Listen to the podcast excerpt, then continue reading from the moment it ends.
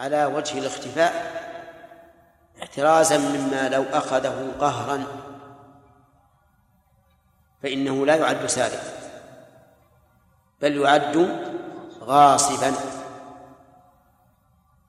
وكذلك نعم لو أنه أخذه وهو مار وفي يد شخص ساعة يحرج عليها ينادي عليه في مروره خطفه ومشى.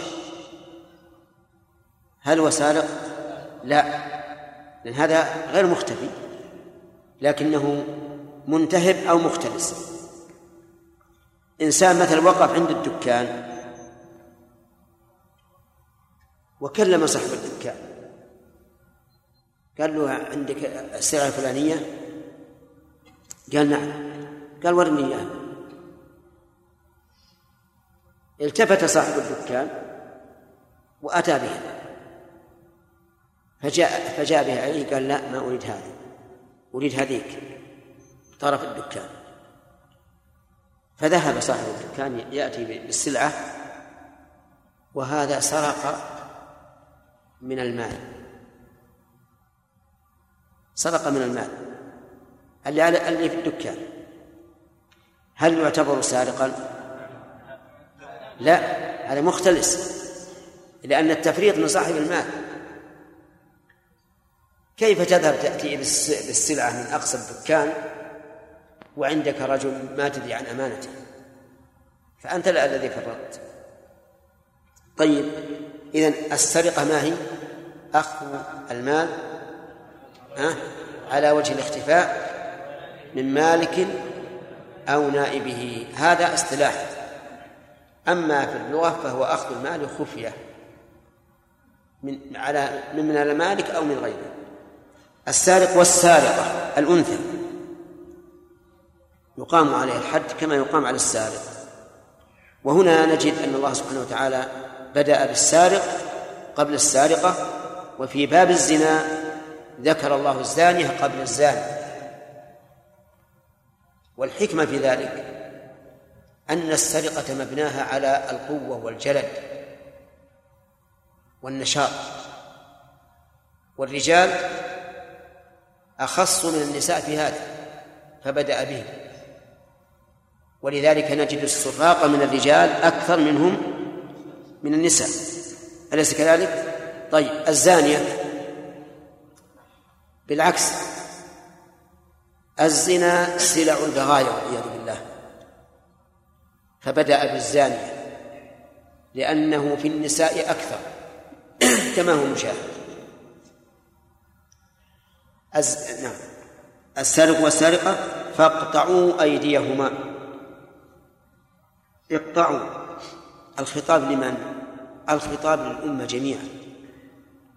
لكن المقصود بالذات والعين هو الإمام أو نائبه.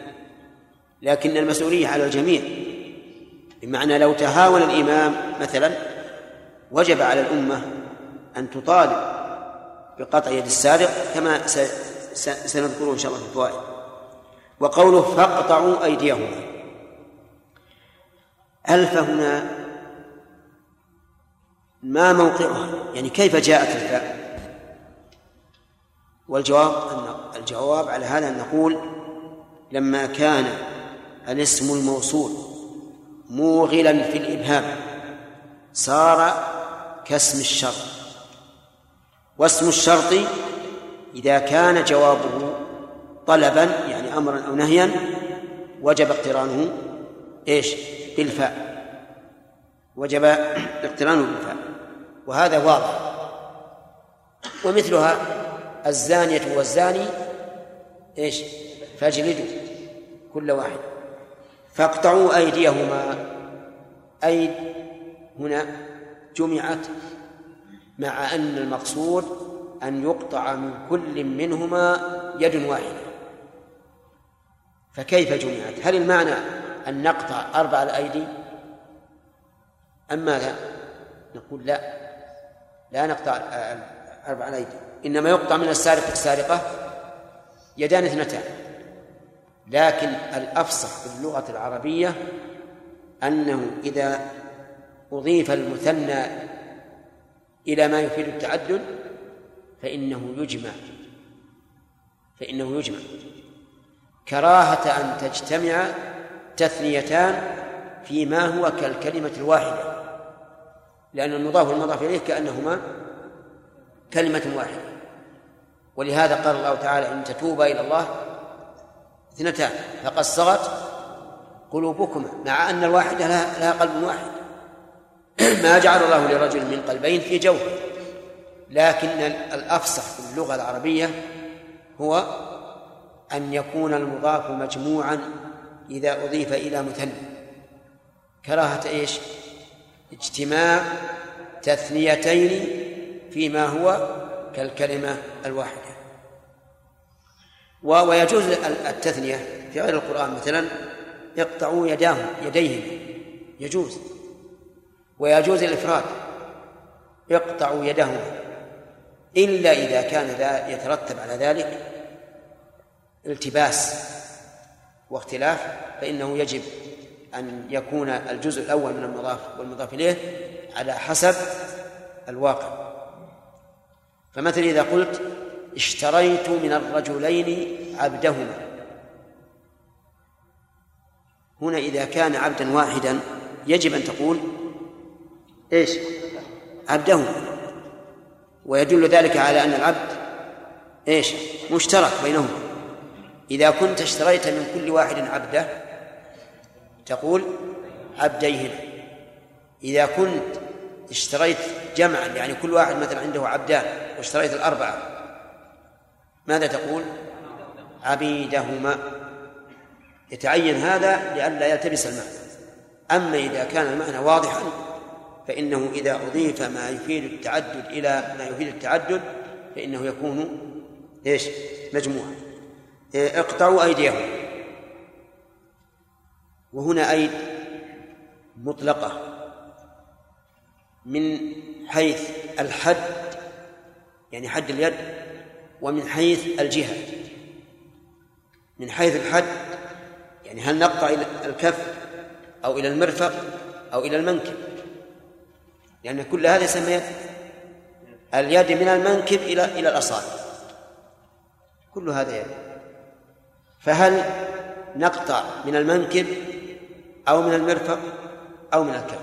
هذه واحدة. ثانيا الجهة أيديهما أي الجهتين؟ اليمين أو الشمال؟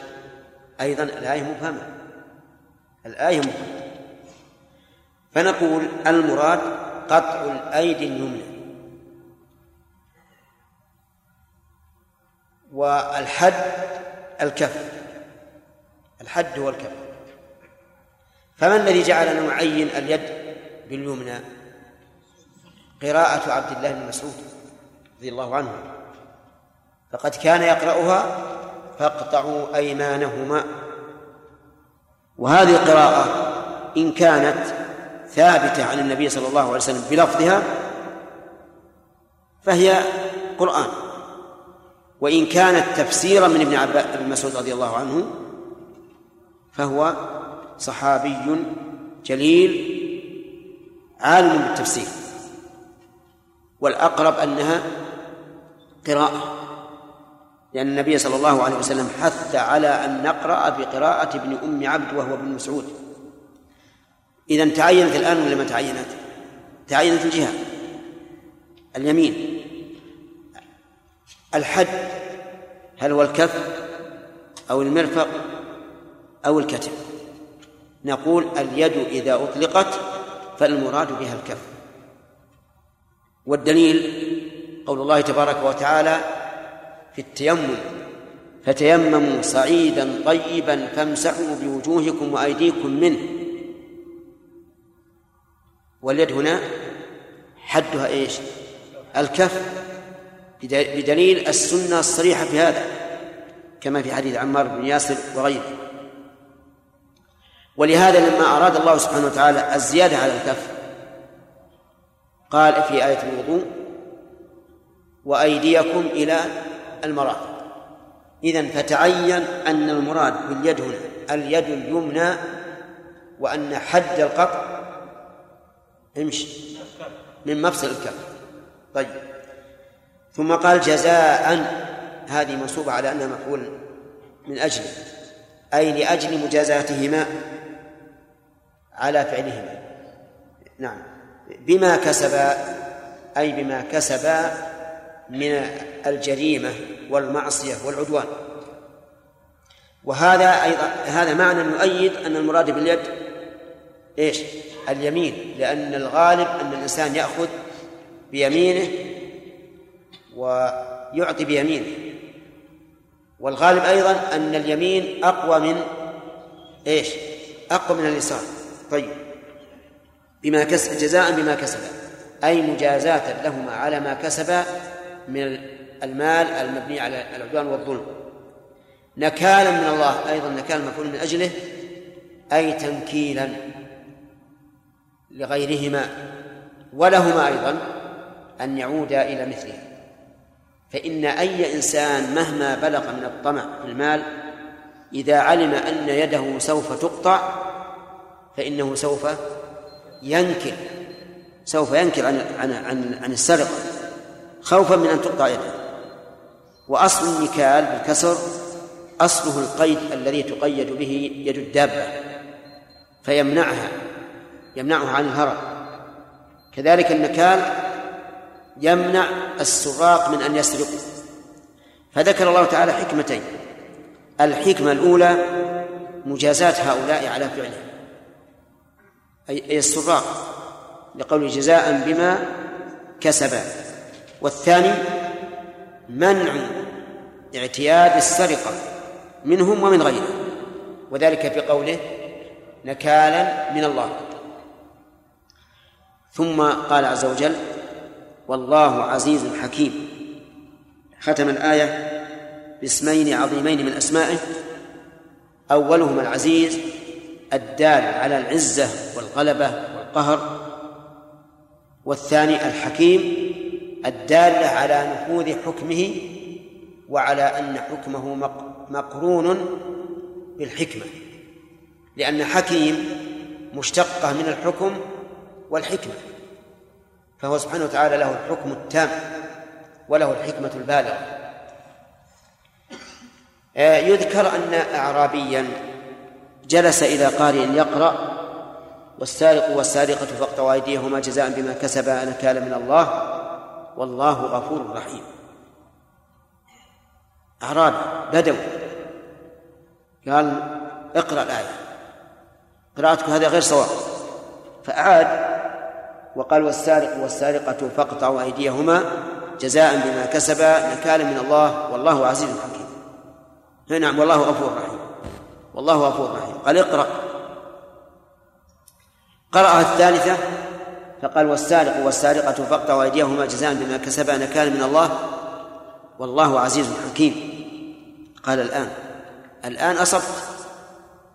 لأنه سبحانه وتعالى عز وحكم فقطع. ولو غفر ورحم ما قطع. فانظر إلى الذكاء من هذا الأعراب. لأن لأن ختام الآيات في الغالب يكون مطابقا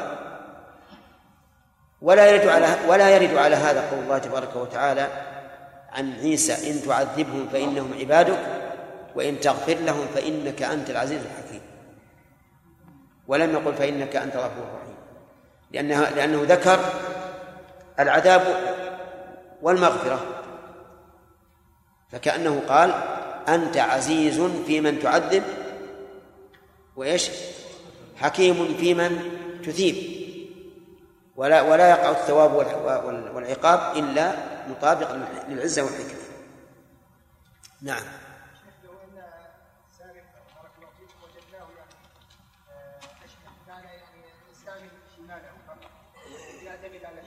اي فيبقى حكم واحد نقطع يمينه اي نعم. حتى لو سرق في فمه. نعم. وجد حليا معلقا. نعم. فعضه حتى قطع حبله علشان ما يشوفون الناس بيديه فإنه يقطع. نعم. يعني كيف إعرابها كيف إعرابها المعجبون يقولون البى حرف جر زائد وخارجين اسم مجرور بالحرف الجر الزائد وعلامة جره الياء. نعم.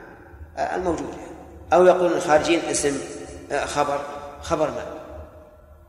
منصوب بالياء المقدرة في مكان الياء التي جلبها حرف الجر. عرفت؟ وأنا عندي كما تعلمون عندي توسعة في مسألة النحو. أقول إن شئت تقول علامة جرها أو علامة نصب. الياء. فنقول اشترك في في تسلط العامل يعني تسلط عليها عاملان فعمل فيه. فتكون علامة للجر بالنسبة لحرف الجر وتكون علامة النصب بالنسبة للمحل. واضح؟ طيب. إيش؟ نعم. إي نعم. نعم. نعم. هذه المرأة بارك الله فيك اختلف في تخريج اختلف العلماء في تخريج حديثه. فمنهم من قال إن النبي صلى الله عليه وسلم إنما قطعها لأنها تسرق لا لأنها تشهد المتاع. لكنها ذكرت بهذا الوصف لأنها اشتهرت به لا لأن الحكم مبني عليه. عرفتم؟ كانت تستعير المتاع فتجحده فأمر النبي صلى الله عليه وسلم بقطع يدها قالوا إن الحديث معناها أنها كانت تستعير المتاع فتجحده لأنها عرفت بهذا ولكن هناك إضمارا تقديره فسرقت فقطع يدها. لكن هذا غير صحيح هذا تحريف للكلمة عن مواضعه. لكن الصحيح أن أن جحد العارية السرقة. لأن أي إنسان يريد أن يسرق فبدلا من أن يذهب ويكسر الأقفال والأبواب ويأخذ على وجه الاختفاء بدلا من ذلك يأتي إلى الشخص يقول جزاك الله خير أنا محتاج لابن هذا أطبخه للضيوف وآتي به إليك إن شاء الله وربما يبقى في الطعام فضله يجيك أيضا طعام. ويلين له القول فيعطيه. ثم بعد ذلك يجحد. لا فرق بين هذا وهذا. ولهذا التحقيق أن جحد العارية نوع من السرقة. لأنه أخذ المال على وجه الاختفاء. نعم.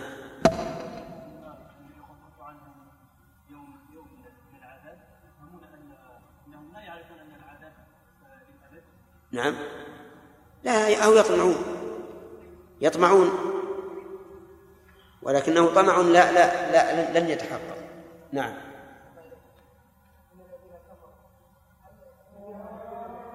إيش؟ لا. لو أن لهم لدفعوه ليفتدوا به. لكن ما يحصل كل أهل النار. كل لا الواحد منهم أيضا. لو يحصل لها كل الدنيا ما ما ما, ما نفع أعوذ بالله من الشيطان الرجيم. قال الله تعالى والسارق والسارقة وأظن أننا تكلمنا على شرحه تفسيره الفوائد. ها؟ أخذنا فوائد؟ طيب. من فوائد هذه الآية الكريمة وجوب قطع يد السارق والسارق لقوله فاقطعوا أيديهما. ومن فوائدها أن قطع أيديهما مخاطب به جميع الأمة لقول فاقطعوا والخطاب للأمة كلها لكن الأمة الواقع تتمثل في ولاة أمورها لأنهم هم الذين يرعون مصالحها فإذا حصل تقصير من ولاة الأمور وجب على الأمة أن ينبهوهم على ذلك.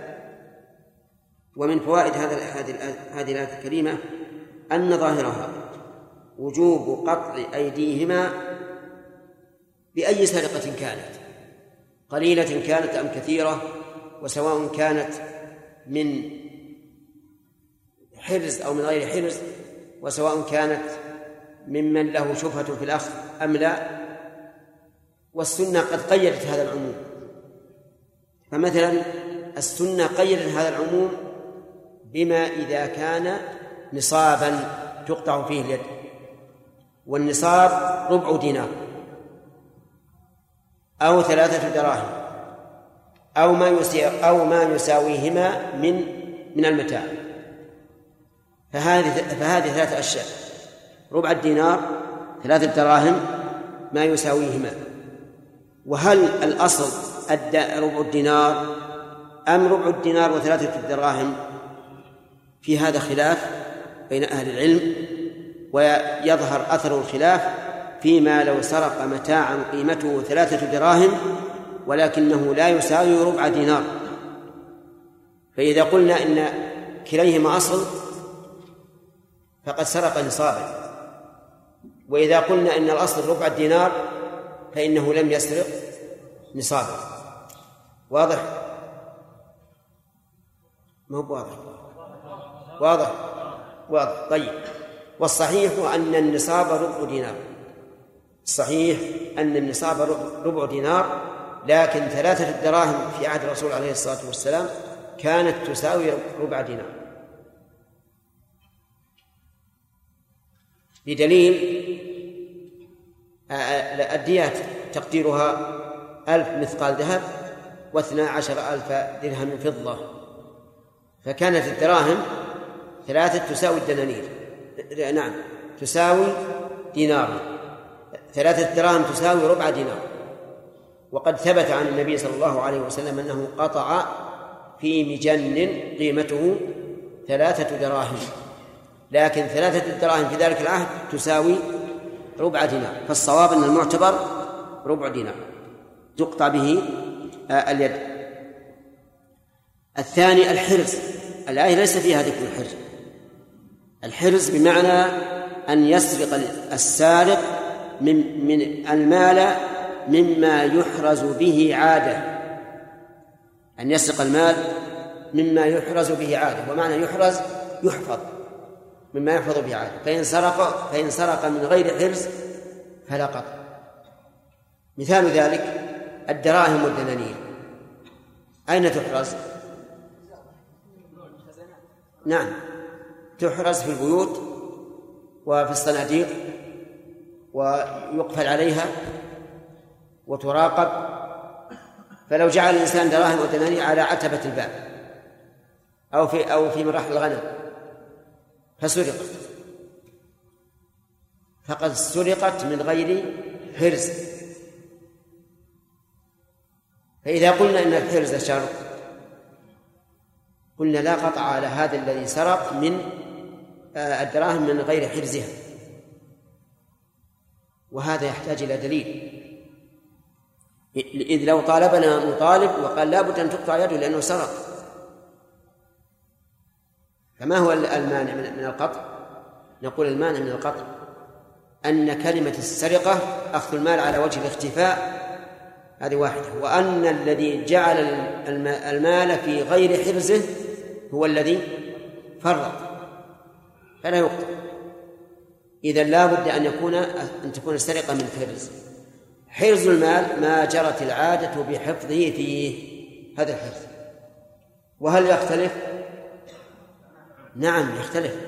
يختلف باختلاف الأموال. ويختلف باختلاف الأحوال. أحوال الخوف والفوضى. ليست كأحوال الأمن والقرار. أليس كذلك؟ يختلف أيضا باختلاف السلطان. هل هو قوي أو ضعيف؟ وهل هو عدل أو جائر؟ يختلف بهذا. إذا كان السلطان نعم إذا كان السلطان قويا فهنا لا لا يتكلف الناس في أحراز الأموال تكلفا شديدا لأن قوة السلطان تمنع من السرقة. وإذا كان ضعيفا كان بالعكس. طيب إذا كان عادلا وإذا كان جائرا. أيهما أشد حفظا للأموال أن يكون عادلا أو أن يكون جائرا؟ أن يكون عادلا لأن الجائر ليس معناه القوي في العقوبة. الجائر هو الذي يقضي على هذا بقطع اليد وعلى هذا بعدم قطع اليد. إذن العادل لا شك أنه أن الناس يأمنون في عهده أكثر من من الجائر لا من الناحية الإلهية يعني لا من ناحية الله رب عز وجل ولا من ناحية الواقع. طيب أيضا يختلف الحرز باختلاف حال الناس من إيمان وضعف إيمان. إذا كان عند الناس إيمان كان الحرز يسهل. وإذا كان ليس وإذا لم يكن عندهم إيمان كان لا بد من التحرز الشديد. كذلك يختلف الحرز بإقامة هذا الحد قطعي للسارق. إذا كانت تقطع يد السارق فإن الإنسان لا يتكلف الحرز لأنه يعرف أن السراق لن يفعل. وإذا كانت لا تقطع يحبس عليه يعني يحكم عليه بحبس أسبوع شهر شهرين سنة سنتين فإنه يجب التشديد في الحرز المهم أن الحرز يختلف باعتبارات متعددة لكن لا بد لثبوت القطع من أن تكون السرقة من من حرز طيب يشترط أيضا أن يكون المسروق مالا محترما. فلو سرق الإنسان آلة له فإن آلة له ليست محترمة ولا قيمة لها شرعا. فهل إذا سرق آلة له فخمة تساوي خمسة آلاف عشرة آلاف يقطع؟ لا لأنه إيش؟ غير محترم لأنه مال غير محترم من أصله طيب فإن كان غير محترم بوصف مثل أن يسرق حليا على صورة داب على صورة أسد وما أشبه ذلك. هذا غير محترم بوصف لأن الصورة يجب طمسها أو كسرها إذا كانت مما يكسر. فهل يقطع أو لا؟ نقول يقطع اعتبارا بإيش؟ بالأصل أنه مال محترم. إذا لا بد أن يكون مالا محترما وهو الذي له قيمة شرعا فأما غير المحترم فلا يقطع به لأنه ليس بمال شرعي ولا يتقوم وليس له قيمة ولا ثمن. يشترط أيضا انتفاء الشبهة ألا يكون للسارق شبهة. فلو سرق من بيت المال لو سرق من بيت المال فإنها لا تقطع يده لماذا؟ لأن له شبهة. إذ أن له حقا في بيت المال. كل واحد له حق في بيت المال. فهو وإن كان محرزا لكن بالنسبة لهذا الشخص له حق فيه. وقد توسع الفقهاء رحمهم الله في مسألة الشبهة. الشبهة ومن هذه المسألة أنه إذا سرق الحر من بيت المال فإنه لا يقطع لأن له فيه شبهة. والصواب أنه إن كانت الشبهة قوية فنعم يدرأ عنه الحد. وأما إذا كانت غير قوية بعيدة فلا ينبغي أن تعطل الحدود من أجل أن يكون له حق من مليون مليون مليون مثلا. هذا فيه تعطيل الحدود. ومن الشبه إذا كان الناس في عام مجاعة أو إذا كان الإنسان جائعا أيهما أن نقول؟ نعم الأول الأول يعني إذا كانت المجاعة عامة الناس في سنة دهر جد جوع فإنه لا قطع. لوجود الشبهة وهي اضطرار هذا السارق إلى السرقة ولو كان صاحب المال حاضرا لأوجبنا عليه أن يبذله له. فأما إذا كان الجوع خاصا فهذا لا يمنع من القطع. لأن هناك فرقا بين هذا وهذا. أن كل إنسان يمكن أن يقول إنه كل سارق يمكن أن يقول إنه إنه جاء لكن المجاعة العامة هي التي تمنع القطع. كذلك أيضا قال أهل العلم ولا يقطع في بلاد الكفر. لا يقطع في بلاد الكفر كالغزاة مثلا. الغزاة في في بلاد الكفر لا يقطعون. ليش؟ لأنه لو قطع لكان في ذلك تنفير عن الإسلام وربما يهرب هذا الرجل إلى بلاد إيه نعم إلى إلى البلاد ويبقى عنده. وهذه مفسدة عظيمة. ولكن هل يرتفع عنه القطع؟ دائما أو يؤجل؟ يؤجل. يؤجل. ومثل ذلك أيضا إذا ما, ما وقع الآن في بعض البلاد التي تحررت من الكفر ودخلت في الإسلام لو قالوا نحن إذا أقمنا الحدود ثار علينا الناس. فيثور علينا أولا الشعب ثم الدول. فهل لنا الحق أن نؤجل حتى يتقوى الجانب الإسلامي؟ نقول نعم. بدليل أن أن الحدود إنما جاءت في الشريعة الإسلامية. إيش؟ متأخرة. هي نعم المفاسد لكن هي أيضا متأخرة حتى يتمكن الناس من قبولها. ثم إن المقصود في الحد المقصود به إصلاح الخلق والتكفير عن المحلول. فإذا كان يترتب على إقامته مفسدة أعظم فليؤجل. طيب إذا وجب الحد على حامل امرأة حامل سرقت هل يقام عليها الحد؟ لا يؤجل لأن القطع يخشى منه على الجنين والجنين بريء ما منه جناية طيب لو سرق الإنسان من مال أبيه يقطع ليش؟ نعم العامة يقولون السارق من السارق كالسارق من أبيه والمعنى؟ أنه, أنه لا يقطع. السارق من أبيه يقولون لا يقطع لماذا؟ لأنه له حق في مال أبيه. وهو الإنفاق عليه إذا كان محتاجا. الزوج مع زوجته؟ كذلك. لأن هذا فيه شبهة وجرت العادة بأن الزوجين يتبسط أحدهما في مال الآخر. نعم. إذا لا بد من إيه؟ لإقامة الحد من انتفاء الشبهة. طيب. ولكن كما قلت لكم هناك شبهة بعيدة وشبهة قريبة. هل يشترط ثبوت السرقة؟ نعم. لو ادعى لشخص أنه سارق هل نقول لا يقام عليه الحد حتى تثبت السرقة؟ الجواب نعم. لأن الله قال السارق ولا يصدق عليه وصف السرقة إلا إلا إذا ثبت. وبدون بدون الثبوت لا لا يصدق عليه أنه سارق. وبماذا تثبت السرقة؟ تثبت السرقة بشهادة رجلين. عدلا. فإن شهد رجل وامرأتان لم يقم الحد لكن يضمن المال. لأن المال يثبت بشهادة رجل وامرأتين والحد لا يثبت إلا بشهادة رجلين ولهذا اعلموا أنه لا مدخل للنساء في الحدود. لو يشهد أربعمائة امرأة على رجل أنه زنى فإنه لا يقام عليه حد.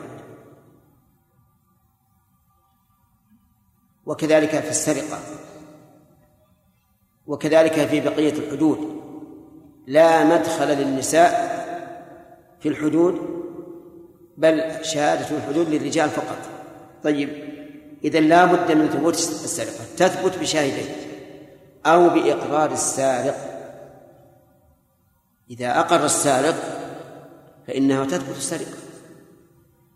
لكن هل يشترط تكرار الإقرار أو لا؟ في هذا خلاف بين العلماء. منهم من يقول لا بد أن يكرر الإقرار مرتين.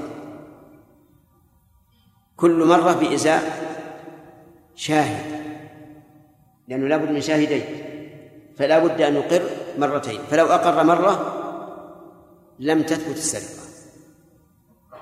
وقال بعض أهل العلم تثبت بالإقرار مرة لأنه شهد على نفسه. ولا عذر لمن أقر فتثبت السرقة بإقراره مرة. وإذا أقر سواء كنا مرتين أو مرة فهل له أن يرجع؟ يعني هل يقبل رجوعه بحيث لا نقيم عليه الحد؟ أكثر الفقهاء يقولون نعم. يقبل رجوعه عن الإقرار. وعلى هذا عبد الله لا يقطع لكن يؤخذ بحق الآدمي يضمن المال. أما القطع فلا لأنه رجع عن إقراره. و وقال بعض العلماء لا يرجع إذا أقر عند الحاكم عند القاضي. والصحيح في هذا التفصيل أنه إذا وجدت قرائن تدل على صحة إقراره فإنه لا يقبل الرجوع وإذا لم توجد قرائن فإنه يقبل رجوعه ويكون الأمر بينه وبين ربه. فلو قال السارق إنه سرق قلنا كيف سرقت؟ قال أتيت في الليل كسرت الباب وكسرت الصندوق وأخذت المال وهذا البيت هو الذي أنا سرقته.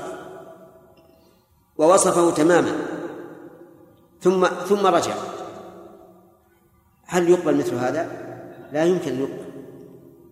لو أنه قبل مثل هذا أي قبل الرجوع عن إقراره لتعطل الحدود. بل قال شيخ الإسلام رحمه الله لو قبل رجوع المقر في الحد ما أقيم حد في الدنيا لأن كل إنسان يمكنه أن أن يقر ثم يرجع لا سيما إذا لقن وقيل له ارجع ما عليك. بعد أن أمر بعد أن أمر القاضي بقطع يده وأحضرت السكين وأحضر الزيت لتحسم يده وحضر رجال الأمير قال اصبر. أنا هونت رجعت عن الإقرار. هذا شبه تلاعب. فنقول هذا لا يقبل. لأنه وجدت قرائن تدل على أن إقراره حق وليس عن عن تلاعب وليس عن إكراه. هو الذي دل الناس على مكان السرقة وعلى كيفية السرقة. ولا شك أن مثل هذا لا يمكن أن يقبل إقرار أبدا. كيف نقبل إقرار نعم نعم. أن مثل هذا لا يمكن رجوع عن لا يقبل رجوعه عن إقراره. لا يمكن. طيب إذن يشترط ثبوت السرقة والدليل. الآية والسارق والسارقة. إذ لا يصدق عليه أنه سارق أو سارقة إلا بثبوت. الثبوت بماذا؟ جمال. وهما. وإما باعتراف. طيب الاعتراف هل لا بد من التكرار أو لا؟ فيه خلاف. نعم. ومن نعم. اعترى من فوائد الآية الكريمة وجوب قطع يد السارق والسارق أي اليدين؟ اليمنى. كما فسر ذلك قراءة عبد الله بن مسعود رضي الله عنه فاقطعوا أيمانهم. فتقطع اليد اليمنى بربع دينار. ومن أين تقطع؟ تقطع مما يصدق عليه أنه يد. أقل ما يصدق عليه أنه يد تقطع به. لأن ما زاد على ما يصدق عليه اليد مشكوك فيه. وما الذي يصدق عليه أنه يد؟ إيش؟ الكف. فتقطع من مفصل الكف من الرسغ والكوع وإيش؟ والكرسوع. نعم؟ طيب تعرف أخ تعرف كوعك من كرسوعك؟ ما تعرف؟ لا. طيب تعرف؟ قل. نعم. الكوع الذي يلي الإبهام في طرف الذراع. ها؟ الكرسوع اللي هي الخنصر والرسل الذي في الوسط. تمام. جيد. تقطع من هنا. فإن قال قائل كيف تقطع بربع دينار؟ وهي لو قطعت عمدا لكان فيها خمسمائة دينار. أليس كذلك؟ يعني لو إنسان جنى على شخص وقطع يده قلنا عليه خمسمائة دينار. والسارق يسرق ربع دينار وتقطع يده ولهذا أورد التشكيك في هذه المسألة أبو العلاء المعري. فقال يد بخمس مئين عسجدا وديت. ما بالها قطعت في ربع دينار؟ تناقض ما لنا إلا السكوت له. ونستعيد أو قال كلمة أخرى بمولانا من النار. فقال تناقض. وجه التناقض عنده؟ ها؟ أن كيف ديتها 500 دينار وتقطع تهدر بربع دينار. هذا تناقض. لأن إذا كان ديتها 500 دينار فلا تقطع إلا لسرقة 500 دينار. وإذا كانت تقطع بربع دينار صارت ديتها ربع دينار وإلا فتناقض. لكنهم ردوا عليه. فقالوا قل للمعري عار أين ما أي معار جهل الفتى وهو عن ثوب التقى عاري يد بخمس مئين عسجدا وديت لكنها قطعت في ربع دينار. حماية النفس أغلاها وأرخصها. حماية المال فافهم حكمة البال. شوف الجواب. واضح؟ لا إله إلا الله. طيب أعيد الأبيات عليكم حفظتموه يقول قل للمعري عار أيما عار. جهل الفتى وهو عن ثوب التقى عار. يعني ما عنده علم ولا ولا عبادة. يد بخمس مئين عسجدا وديت لكنها قطعت في ربع دينار. حماية النفس أغلاها وأرخصها حماية المال. فافهم حكمة البال أعيد الثالثة؟ طيب. قل للمعري عار أيما عار جهل الفتى وهو عن ثوب التقى عاري يد بخمس مئين عسجدا وديت لكنها قطعت في ربع دينار. حماية النفس أغلاها وأرخصها حماية المال. فافهم حكمة البال من حفظ. شرط لا تحفظها قبل؟ يلا.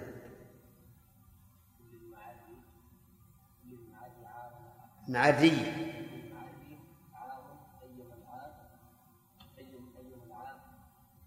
إيه. خطأ. ها؟ اي أنت وغيرك. يلا يا عبد الله. جهل الفتى وهو عن ثوب التقى عارف. يد بخمس مئين عسجد. عسجدا. عسجدا. أديت لكنها قطعت في ربع دينار. حماية النفس أغلاها وأرخصها. حماية حماية المال. المال النقطة في الأخير في البيت الأخير. يعني أنها جعلت ديتها 500 دينار حماية للنفوس حتى لا يجري أحد على قطع أيدي الناس. وقطعت في ربع دينار حماية للأموال حتى لا يشتري أحد على السرقة. وهذا جواب واضح معقول. في جواب آخر يشبه أن يكون أدبيا. قال إنها لما خانت هانت. ولما كانت أمينة كانت ثمينة. واضح؟ لما خانت لماذا خانت؟ للسرقة. هانت صار قيمتها ربع دينار. ولما كانت أمينة كانت ثمينة. كان قيمة قيمتها كم؟ خمسمائة دينار. وعلى كل حال هذه أجوبة في الواقع. لهؤلاء الذين يريدون مثل هذه الشبه وإلا فإننا نعلم علم اليقين أن الله لا يفرق بين شيئين إلا وبينهما فرق. أوجب التفريق في الحكم. طيب قوله تعالى فاقطعوا أيديهم. إذا قدر أنه ليس له يد يمنى. السارق اللي سرق ليس له يد يمنى. فهل تقطع اليسرى أو لا؟ نعم. في خلاف يا أخوان. منهم من يقول لا تقطع لأن الله إنما نص على اليمنى فقط يعني إنما جاءت الآية إنما فقط. واليسرى ما تقطع ولأننا إذا قطعنا يسرى فوتنا عليه منفعة اليدين كلتيهما. أليس كذلك؟ طيب وهذا لا ينفع. كما قالوا إن عين الأعور لا تفقع بعين الصحيح. يعني رجل أعور عنده العين اليمنى فقط. فقع عين سليم اليمنى. هل تفقع عينه؟ أو ما فهمت. نعم السؤال آه، رجل سليم العينين. سليم العينين. فقع عين الأعور. نعم. لا بالعكس. نعم أعور ليس عنده إلا العين اليمنى. فقع عين اليمين عين رجل اليمنى وهو سليم. هل نفقع عين الأعور نعم. المشهور من المذهب لا. لا نفقه. لأننا إذا فقأنا عينه فوتنا عليه البصر كله وهو لم يفوت البصر على على المجني عليه. وقد قال الله تعالى العين بالعين. وعين الأعور تؤدي البصر كله. فلا مساواة. فأقول إن بعض العلماء يقول إذا لم يكن للسارق إلا يد يسرى فإنها لا تقطع لأن ذلك يفوت عليه إيش؟ منفعة اليدين. ولذلك أمر الله عز وجل في قطاع الطريق أن تقطع أيديهم وأرجلهم من خلاف لئلا تتعطل اليدان جميعا. فمنهم من يقول لا تقطع اليد اليسرى ومنهم من يقول تقطع وإذا فوتنا عليه ذلك فهو الذي جنى على نفسه لأننا إنما قطعناها ليش؟ لأنه هو الذي سر هو الذي جنى على نفسه.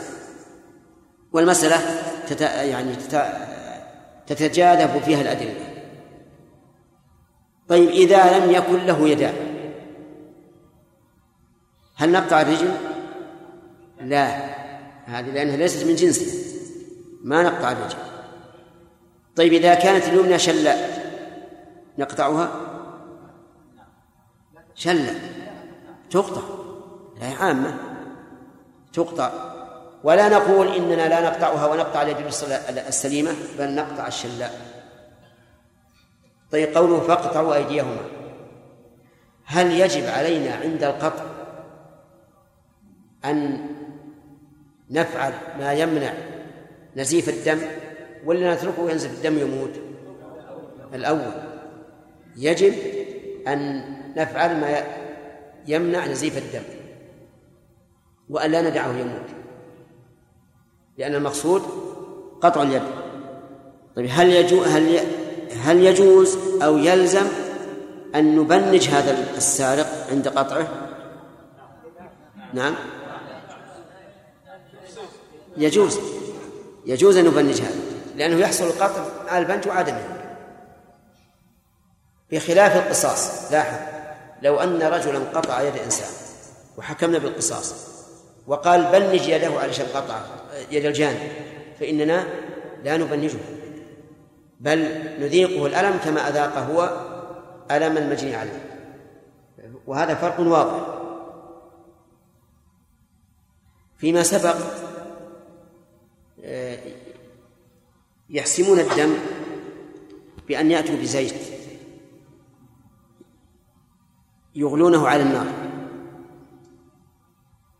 فإذا قطعت اليد غمسوا طرف الذراع بهذا الزيت.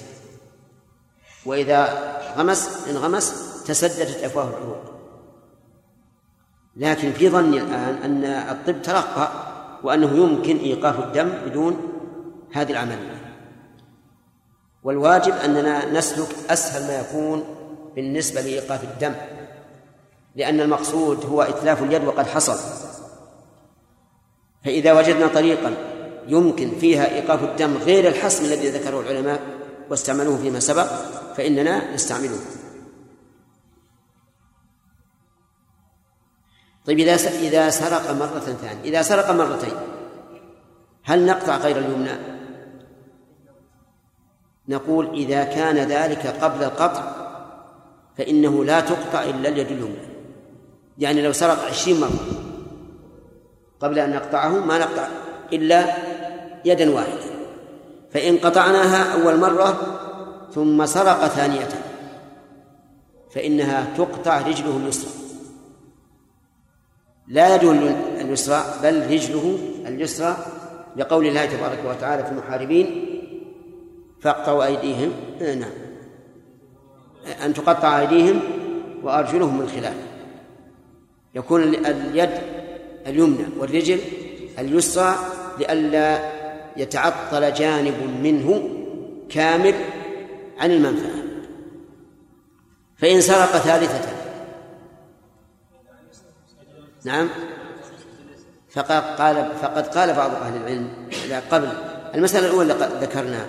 بعض العلماء يقول إذا تكرر منه منه السرقة بعد القطع فإنه لا يقطع. لأن الله إنما أباح قطع اليد اليمنى فقط والأصل احترام المسلم فلا يقطع. لو تكرر عشرين مرة ما لا يقطع إلا اليمنى فقط. لكن إذا لم يندفع أداه إلا بالحبس أو القتل فعلنا ما ينتفع به أداه. أما أن نقطع شيء من أعضائه والله عز وجل إنما ذكر قطع يد يد واحدة فلا. لكن المشهور عندنا في المذهب أنه تقطع رجله اليسرى إلحاقا له بمن؟ بالمحاربين. طيب فإن قطع الثالثة آه، فإن سرق الثالثة فإنه لا يقطع. وقال بعض العلماء إنها تقطع يده اليسرى. كم يبقى عنده؟ رجل واحد. فإن سرق الرابعة فقال بعض أهل العلم إنها تقطع رجله اليسرى. اليمنى. وش يبقى له؟ ما يبقى شيء. فإن سرق الخامسة. سمع أحد العوام رجل يحدث في المسجد وقال هذا القول. قال تقطع اليد اليمنى ثم الرجل اليسرى ثم آه، اليد اليسرى ثم الرجل اليمنى ثم إن سرق قتل. فقال العام على البديهة. قال طيب بماذا يسرق؟ وما له لا يدين ولا رجلين نعم. لكن لكن الواقع يمكن يسرق يمكن يسرق يعني باقي عنده الذراع ويستطيع مثلا يحوش المال بيده. نعم. لا ما ما جاء هذه الصلاة إنما على كل حال الذي يظهر أننا لا نتعدى آه، حد المحاربين. يعني نقطع يده اليمنى فإن عاد فرجه اليسرى فقط. من فوائد من فوائد الآية الكريمة الحكمة في وجوب قطع يد السائل من قوله جزاء بما كسب. ومن فوائدها أن العقوبة من جنس العمل. وإن شئت فقل الجزاء من جنس العمل.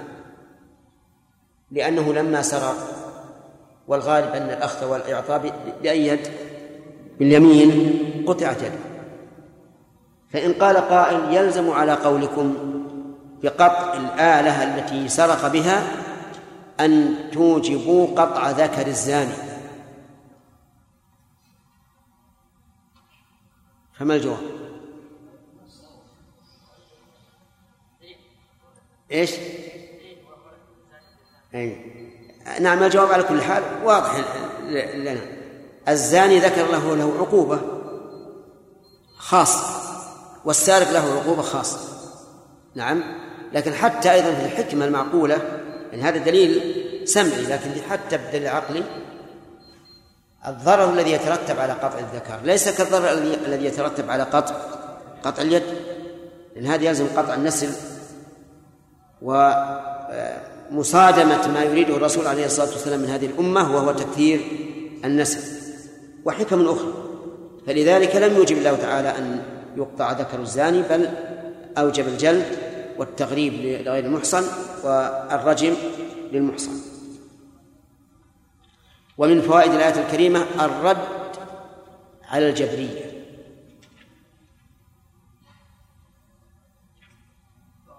منين؟ بما كسب. بما كسب نكال من الله. وجه آخر معنوي وهو أنه لو كان لو كان السارق والسارقة مجبرين ما صح أن يعاقب.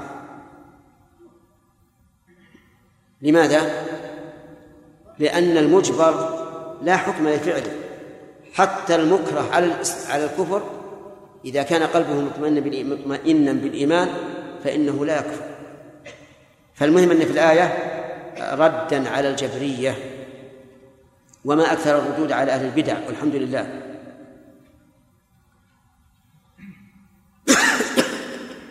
بقية الفوائد إن شاء الله الدرس القادم. نعم يا أخي.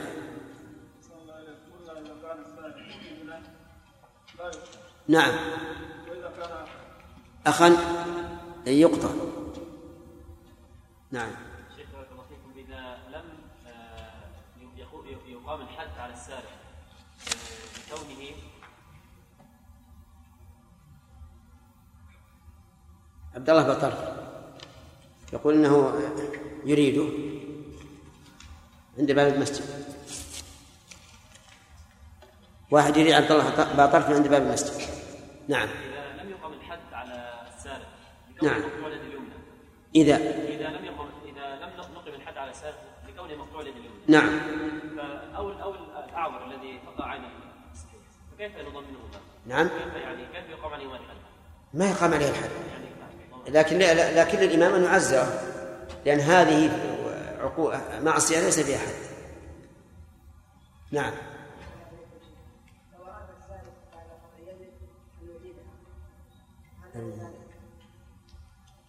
سؤال جيد.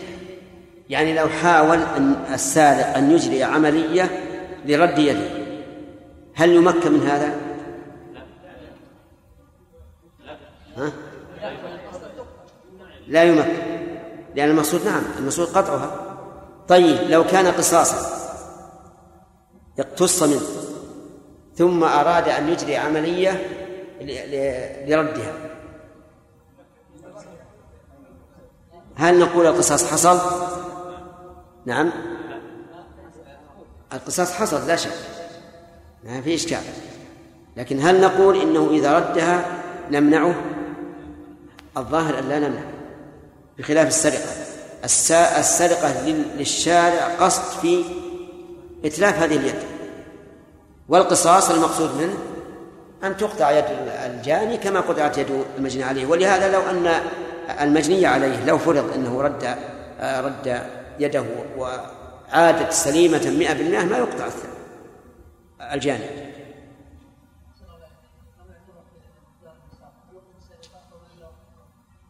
وقت إخراجها. وقت إخراجها من الحبس نعم. باطرفي موجود. عبد الله باطرفي شنو هذا؟ ما هذه الورقه هذه بعد ضبط ها؟ اليوم سافر؟ يمكن هذا الجواب نعم. إيش؟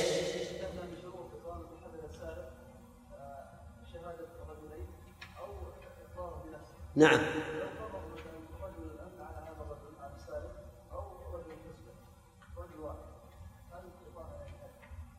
لا.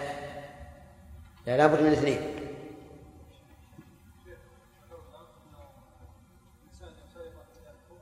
إيش؟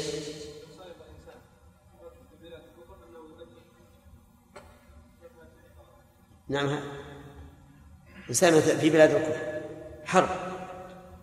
يحاربون الآن في بلاد الكفار. وسرق يؤجل عليه إقامة الحد نعم. نعم.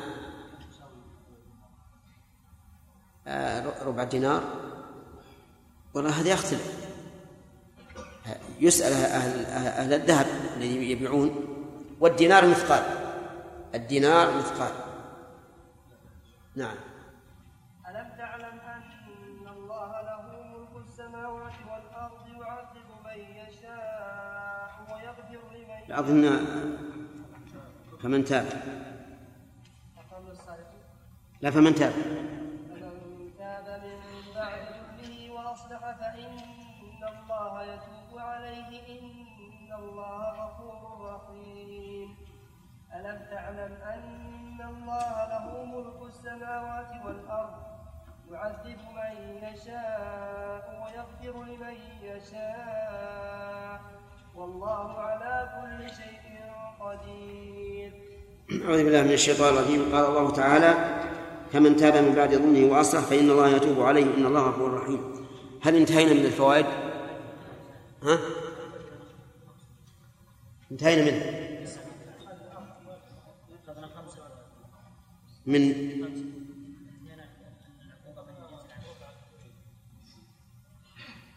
طيب اقرأها الإمام من اللي كتبها؟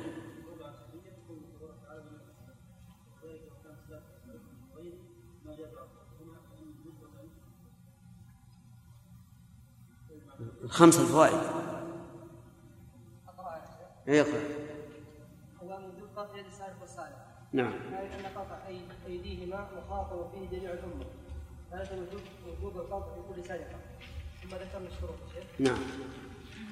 الرابع وجوب قطع سارق يد السارق والسارقة وتقطع اليمنى كما فسرته قراءة بقطع اليمنى بقطع اليمنى الخامس أن الجزاء مثل السلام طيب. نعم. السادس الردع الجبلية آه طيب فيها جميل. بسم الله الرحمن الرحيم. من فوائد الآية الكريمة الرد على الجبرية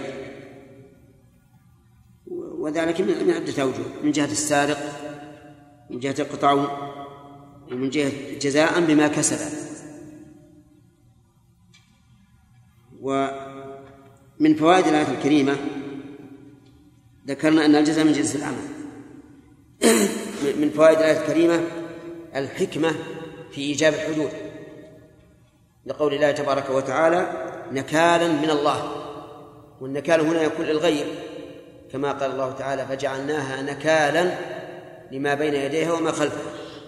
فإن من علم أن يده ستقطع بالسرقة سوف ينكل عنها ولا يسرق. ومن فوائد الآية الكريمة آه، بيان أن الله سبحانه وتعالى مع كمال رحمته ورأفته فإنه شرع الحدود وأوجبها. شرعها وأوجبها لأن ذلك عين الرحمة. إذ لولا الحدود لفشت بين الناس المعاصي لكن الحدود تردعهم إذا لم يردعهم الإيمان. ولهذا يقولون إذا خلا الإنسان من الوازع الديني فإنه يقرع بالرادع السلطان. ومن فوائد الآية الكريمة إثبات هذين الاسمين من أسماء الله وهما العزة العزيز الحكيم. وما أكثر ما يقترنان في القرآن الكريم لأن بهما تمام السلطة وكمالها. والعزيز يعني أنه ذو العزة. والعزة ذكر ابن القيم رحمه الله لها ثلاثة معاني. العزة بمعنى الغلبة. ومنه قوله تعالى ليخرجن الأعز منها الأذل. ومنها قول الشاعر أين المفر والإله والإله الطالب والأشرم المغلوب؟ ليس الغالب. المعنى الثاني للعزة يعني أنه سبحانه وتعالى ممتنع عن كل نقص. مأخوذ من الأرض العزاز يعني الصلبة التي آه، لا يعني لا تنال إلا بقوة ومعاول كبيرة. وحديدة. والثالث العزة التي هي كماله أي كمال وصفه. وهو العزيز بعزة هي وصفه فالعز حينئذ ثلاث معاني. أما الحكيم فإن الحكيم مشتق من من معنيين المعنى الأول الحكم والمعنى الثاني الحكمة.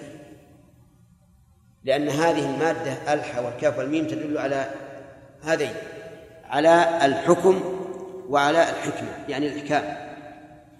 فأما الحكم فإن فإن حكم الله تعالى نوعان.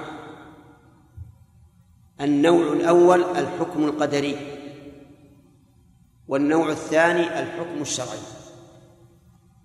مثال الأول قول الله قول الله تبارك وتعالى عن أخي يوسف فلن أبرح الأرض حتى يأذن لي أبي أو يحكم الله لي. يعني يقدر. هذا حكم كوني والحكم الكوني لا بد من وقوعه. إذا حكم الله تعالى بالشيء كونا فلا بد أن يقع. أما الحكم الشرعي فمثله قوله تعالى في سورة الممتحنة ذلكم حكم الله يحكم بينكم. يعني حكما شرعيا وأما قوله تعالى أفحكم الجاهلية يبغون؟ ومن أحسن من الله حكما لقوم يوقنون؟ فالظاهر, فالظاهر أنها شاملة. وإن كان السياق يقتضي أن المراد به الحكم الشرعي. لكننا نقول إن السبب إن العبرة بعموم اللفظ لا بخصوص السبب. فقول من أحسن من الله حكما يشمل الحكم الكوني والحكم الشرعي. الحكم الكوني ذكرنا أنه لا بد من وقوعه. الحكم الشرعي. إذا حكم الله على أحد بشيء شرعا هل يلزم منه الوقوع؟ الجواب لا. لأن من الناس من لم يحكم بما أنزل الله ولم ولم يمتثل أمر الله فلا يلزم من الحكم الشرعي أن يقع المحكوم به لأنه شرع والشرع قد يخالف وقد يوافق. أما الحكمة فإنها وضع الشيء في مواضعه. على حد قول بعض بعض السلف إن الله تعالى لم يأمر بشيء فيقول العقل ليته لم يأمر به ولم ينهى عن شيء فيقول العقل ليته لم ينهى عنه. فهي وضع الأشياء في مواضعها وأنت إذا تأملت أحكام الله تعالى الكونية وأحكامه الشرعية وجدت أنها في موضعها. فإن أدرك ذلك عقلك فهذا المطلوب وإن لم يدرك فسلم الأمر لمن له الحكمة البالغة. نجد الشرائع مطابقة للحكمة تماما. الطهارة الصلاة الزكاة الصيام الحج بر الوالدين صلة الأرحام وما أشبه ذلك. كلها مطابقة للحكمة. ونجد أيضا الأحكام الكونية. مطابقة للحكمة. ظهر الفساد في البر والبحر. بما كسبت أيدي الناس. لماذا؟ ليذيقهم بعض الذي عملوا لعلهم يرجعون. فالفساد الذي يكون في البر أو في البحر هو فساد لكنه لحكمة عظيمة وهي أن يرجع الناس إلى دينهم ويكف عما كسبت أيديهم من المعاصي. وهلم جرا يعني أحكام الله الكونية والشرعية كلها مطابقة للحكمة ولكن لا يلزم من كونها مطابقة للحكمة أن يفهم الحكمة كل أحد من الناس. قد تخفى على كثير من الناس وقد تخفى على بعض الناس دون بعض وما خفي عليك فكله إلى عالمه. لما سألت المرأة عائشة رضي الله عنها ما بال الحائط تقي الصوم ولا تقي الصلاة قالت عائشة كان يصيبنا ذلك فنؤمر بقضاء الصوم ولا نؤمر بقضاء الصلاة. إذا مجرد كون هذا الشيء محكوما به من قبل الله شرعا فإننا نعلم أنه لحكمة مجرد كون الشيء يقع في أحكام الله الكونية وإن كنا لا يظهر لنا المصلحة فيه فإننا نعلم أنه لحكمة فعلينا أن نستسلم وأن لا نعارض وأن نقول ولا وأن لا نقول كيف ولا لما لأن ذلك فيه اعتراض. اللهم إلا رجلا يريد أن يسأل عن الحكمة حتى يطمئن قلبه وحتى يعرف من صفات الله ما يعرف. الحكمة قالوا إنها نوعان. حكمة حكمة غاية وحكمة آه، وضع الشيء على على ما هو عليه. هذه أيضا آه، لها حكمة. ممكن نقول صورية وغائية. فالصورية أن يكون الشيء على هذه الصورة. كونه على هذه الصورة هذا حكمة. كون الصلوات مثلا خمسا وفي أوقات مختلفة هذه حكمة. كونها آه، تنقطع على وتر هذه حكمة. لا صلاة الليل ولا صلاة النهار. صلاة النهار وترها المغرب وصلاة الليل وترها النافلة المعروفة هذه حكمة. كون هذه الأمور المشروعة لغاية أيضا حكمة. وهكذا أيضا المخلوقات. هي على وضعها اللي عليه حكمة والغاية التي تصل إليها هذه المخلوقات لا شك أنها حكمة فصار الحكيم مشتق من الحكم والإحكام الذي هو الحكمة والحكم نوعان كوني وشرعي. والحكمة نوعان صورية وغائية ومعنى صورية أي أن أن وجود الشيء على هذه الصورة المعينة حكمة. والغاية منه كذلك حكمة. ومن فوائد هذه الآية الكريمة حسن الختام في الآيات الكريمة وأنها مطابقة تماما للأحكام التي ختمت بها. العزة يعني الغلب من معناها الغلبة. ولا شك أن إيجاب قطع الأيدي يدل على العزة والغلبة وكمال السلطة. الحكمة أيضا تناسب القطع. لأن فيها حكما صارما وفيها أيضا حكمة بالغة. جزاء بما كسب نكالا من الله. فلذلك كانت الجملة والله عز وجل حكيم مطابقة تماما لما ذكر في الآية الكريمة من قطع يد السارق وبيان الحكمة من ذلك. ورأيت في كتاب السيوطي الإتقان أن أعرابيا سمع قارئا يقرأ يقول والسارق والسارقة فاقطعوا أيديهما جزاء بما كسبا نكالا من الله والله غفور رحيم. فاستنكر الأعرابي هذا وقال أعد الآية فأعادها مرة ثانية باللفظ الأول والله غفور رحيم. ثم قال أعدها فأعادها مرتين أو ثلاثا ثم أعادها على الصواب. فقال والسارق والسارقة فاقطعوا أيديهما جزاء بما كسب نكالا من الله والله عزيز حكيم. قال الآن أصبت. لأنه عز وحكم فقطع. ولو غفر ورحم ما قطع. شوف كيف الفهم. وهو أعرابي ما درس.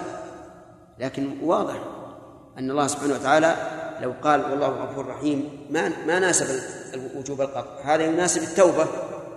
فمن تاب من بعد ظلمه وأصلح فإن الله يتوب عليه إن الله غفور رحيم. أما القطع فإنه يناسب العزة والحكمة. ومن فوائد الآية الكريمة الرد على كل ناعق يقول إن قطع الأيدي وحشية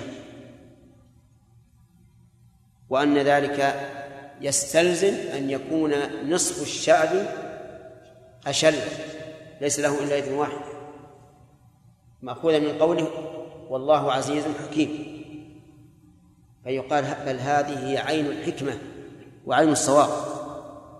لأنه لو ترك الناس لحصلت الفوضى وابتزاز الأموال والسطو على الآمنين فكان قطع اليد لا شك أنه هو الحكمة. وانظر إلى الشعوب التي تطبق هذه الحدود الشرعية كيف تقل فيها الجريمة وعلى العكس الشعوب التي لا تطبقها. وهذا كقول القائل إن قتل القاتل يعني كثرة إزهاق النفوس. وهذا أيضا مصادم تماما لقول الله تعالى ولكم في القصاص حياة فالقصاص هو الحياة في الواقع لنا فيه حياة. لأن من هم بالقتل ثم ذكر أنه سيقتل نعم امتنع وكف عن القتل. ثم ليعلم أن المقتول ظلما لا بد أن يقتل قاتل لقول الله تعالى ومن قتل مظلوما فقد جعلنا لوليه سلطانا. سلطانا شرعيا بأن له القصاص وسلطانا قدريا بأن الله تعالى يمكن من العثور على هذا القاتل حتى يقتل. وهذا شيء مشاهد. دائما يقتل القاتل ويهرب وإذا به يأتي بقدر الله عز وجل. وهذا داخل في قوله فقد جعلنا لوليه سلطانا أي قدريا وشرعيا. وكأن الأمر حاصل ولا بد. ولهذا قال فلا يسرف في القتل. كأنه قال لا بد أن يقتل أي ولي المقتول ظلما ولكن لا يسرف في القتل. وذلك لأن ولي المقتول ظلما قد تأخذه الحمية والغضب فيسرف في القتل. فنهى الله عن ذلك وجعل الأمر قصاصا. طيب. يقول فمن تاب من بعد ظلمه وأصلح. فمن تاب من بعد ظلمه من هذه شرطية وهي عامة؟ تعم السارق وغير السارق. كل إنسان يتوب من بعد ظلمه وأصلح ويصلح فإن الله يتوب عليه. يدخل فيها السارق أو لا؟ يدخل من باب أولى لأنها في سياق الحكم عليها السارق. فإذا تاب من بعد ظلمه وأصلح فإن الله يتوب عليه. والفائدة من هذه من هذا بعد ذكر اقطعوا أيديهما. الفائدة هو أن السارق قد تقطع يده. والحد هنا يكفر يكفر ما سبق من ذنب. لكنه في قرارة نفسه يريد أن يسرق إذا إذا سنحت له الفرصة. فهل يتوب الله عليه في هذه الحال؟ لا لأنه لم يتب. لا بد أن يتوب. فلا يقال إنه قد ثبت عن النبي صلى الله عليه وعلى آله وسلم أن من فعل شيئا من هذه القاذورات وأصيب به في الدنيا فإنه لا فإنه كفارة له. يعني الحدود كفارة. كما يدل عليه أيضا جزاء بما كسب وهي فائدة لعلكم تلحقون بفوائد الآية. أن الحدود كفارة لقوله جزاء بما كسب ولا يضاعف الله عليه الجزاء. فنقول الآية الثانية فمن تاب من بعد ظلمه وأصلح هي في من تاب من بعد إيش؟ من بعد إقامة الحد عليه بالقطع. القطع يكفر ما مضى. لكن إذا كان من نية هذا السارق أنه إذا تسنى له السرقة سرق. فهل يتوب الله عليه؟ لا. لأنه لا لأنه لم يتب إلى الله. ومثله من قتل قصاصا أيضا. لو كان في قلبه أنه ما تاب من الفعل التي فعلها وأنه لو تسنى له أن يقتل أحدا قتله فإن القصاص لا يكفر عنه لأن هذا فيما بينه وبين الله وهو لم يتب فيما بينه وبين الله. طيب إذن لو قال قائل هل الآية تعارض الحديث في أن الحدود كفارة؟ الجواب لا. الحدود كفارة لإيش؟ لما سبق ومضى. وأما ما ما يبقى في قلبه من إرادة المعصية فإنه لم يتب فمن تاب من بعد ظلمه ظلما ظلم نفسه وظلم غيره لأن المعصية إن تعدت إلى الغير ففيها ظلمان ظلم النفس وظلم الغير. وإن كانت خاصة بالإنسان ففيها ظلم واحد وهي وهو ظلم النفس. وعجبا للإنسان المسكين أن يقدم على المعصية وهو يعلم أنه بذلك ظالم لنفسه ولو أن أحدا أراد أن يظلمه لكان إيش؟ يدافع عن نفسه يدافع عن نفسه ويمنعه من الظلم. فكيف لا يدافع عن نفسه بنفسه؟ ولكن الهوى يعمي ويصيب. المهم إن قوله من بعد ظلمه يشمل ظلم نفسه وإيه؟ وظلم غيره.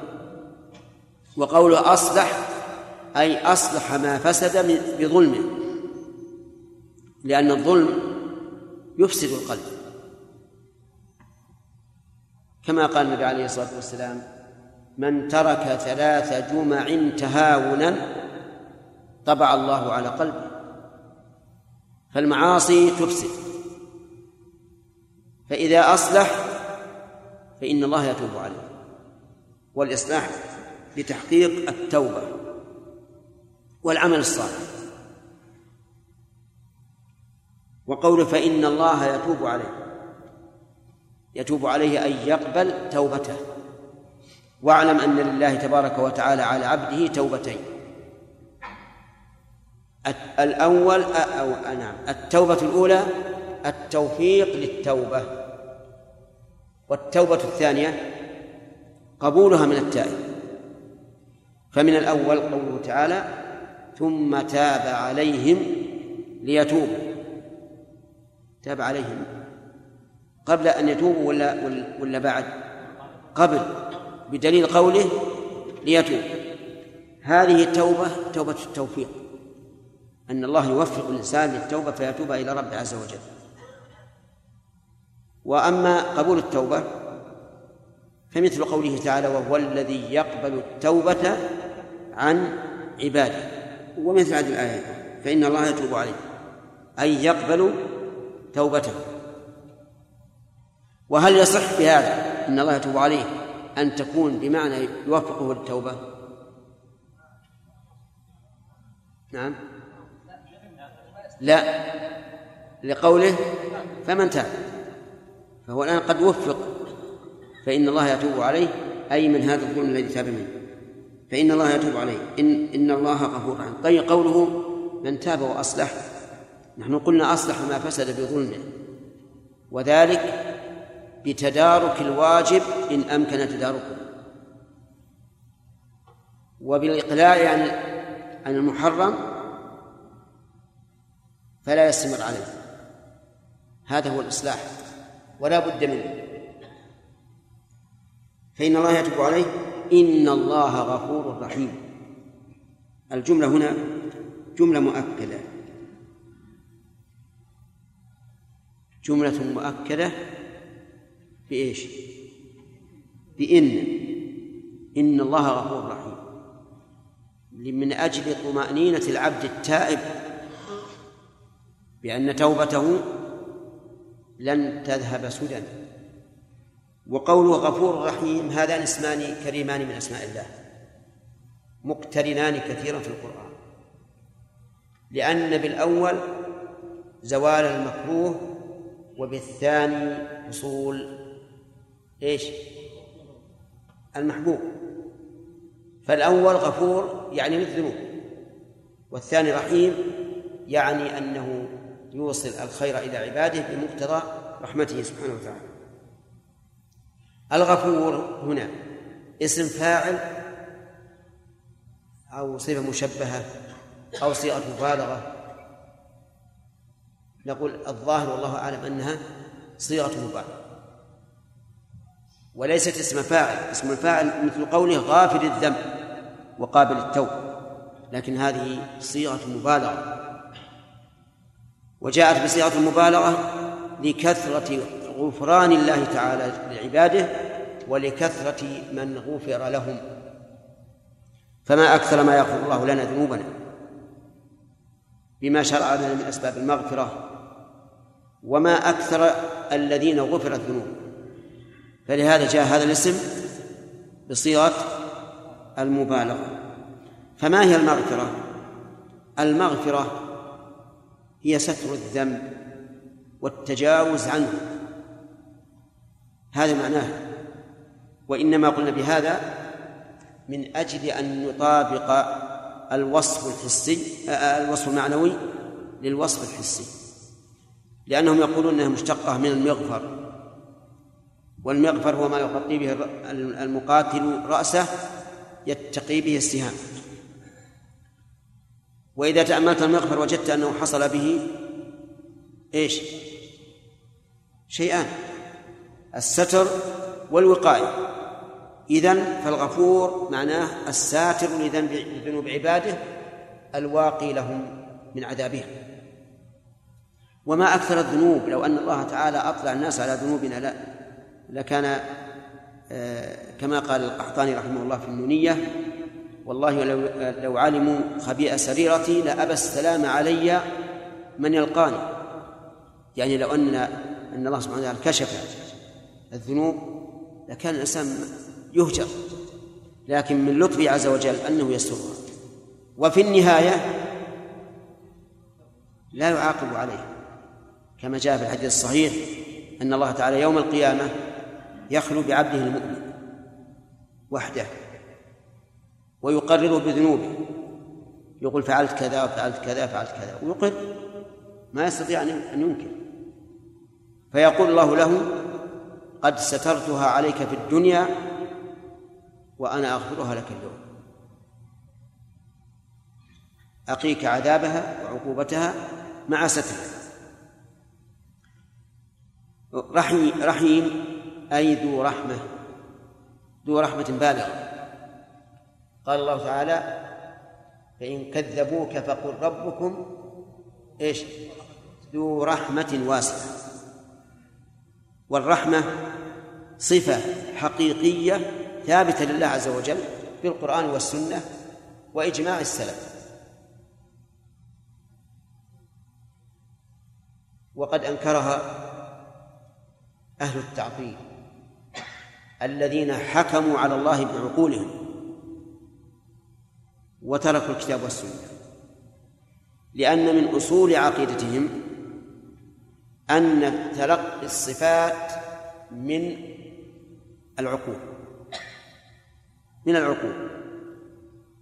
فما اقتضى العقل نفيه وجب نفيه وما اقتضى إثباته وجب إثباته وما لم يقتضي نفيه ولا إثباته توقفوا فيه ويقول شيخ الإسلام إنهم إنهم انقسموا في قسمين. بعضهم توقف فيه وأكثرهم نفاه. قال لأنه لا بد من دليل إيجابي على ثبوته. وأنت ترى أن هذا الأصل الخبيث يستلزم تكذيب ما جاء في القرآن وإثبات ما لم يأتي في القرآن. لأنهم إذا قالوا إذا إذا أثبت العقل شيئا أثبتناه يعني سواء وجد في الكتاب والسنة أم لا. وإذا نفى شيئا نفيناه. هذا في معبودهم وإلههم يتصرفون هذا التصرف. ولا شك الإنسان إذا تأمل هذه القاعدة الخبيثة لوجدها خطرا عظيما. ولولا أنهم يعذرون بأنهم قالوا ذلك تأويلا لكان أمرهم خطيرا جدا. نحن نؤمن بأن الله تعالى رحمة. هم لا ينكرون الرحمة يعني إنكارا يعني أنهم ينكرونها إنكار تكذيب لكنهم ينكرونها إنكار تأويل. ولذلك لم يكفروا. لو أنهم أنكروها إنكار تكذيب إيش؟ لكفروا. يعني هذا تكذيب الخبر لكنهم لكنهم ينكرونها إنكار تأويل ويقولون إن الرحمة استمع الرحمة هي الثواب. أو إرادة الثواب. إما الثواب وتعلمون أن الثواب شيء منفصل عن الله عز وجل مخلوق بائن من الله. وإرادة الثواب صفة في ذات الله لكن هم يقرون بالإرادة. يثبتون الإرادة التي هي أحد أو التي هي إحدى الصفات السبع. وعجبا أنهم يثبتون الإرادة بطريق خفي وينكرون الرحمة مع أن طريقها واضح. الإرادة يقولون نحن نستدل بأن الله مريد بالتخصيص يعني